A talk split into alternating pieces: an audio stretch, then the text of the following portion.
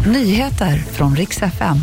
Flera skadade i rysk attack mot hotell i Ukraina i natt. Och nu är det klart vilka kändisar som ska samsas ombord på ett skepp i höst.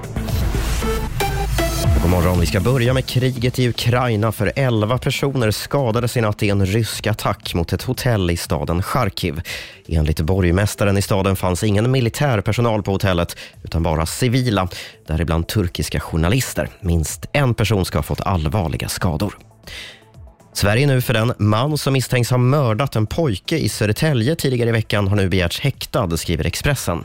Enligt uppgifter till flera medier är mannen pojkens pappa och ska själv ha larmat polisen efter händelsen. Häktningsförhandlingen ska äga rum idag.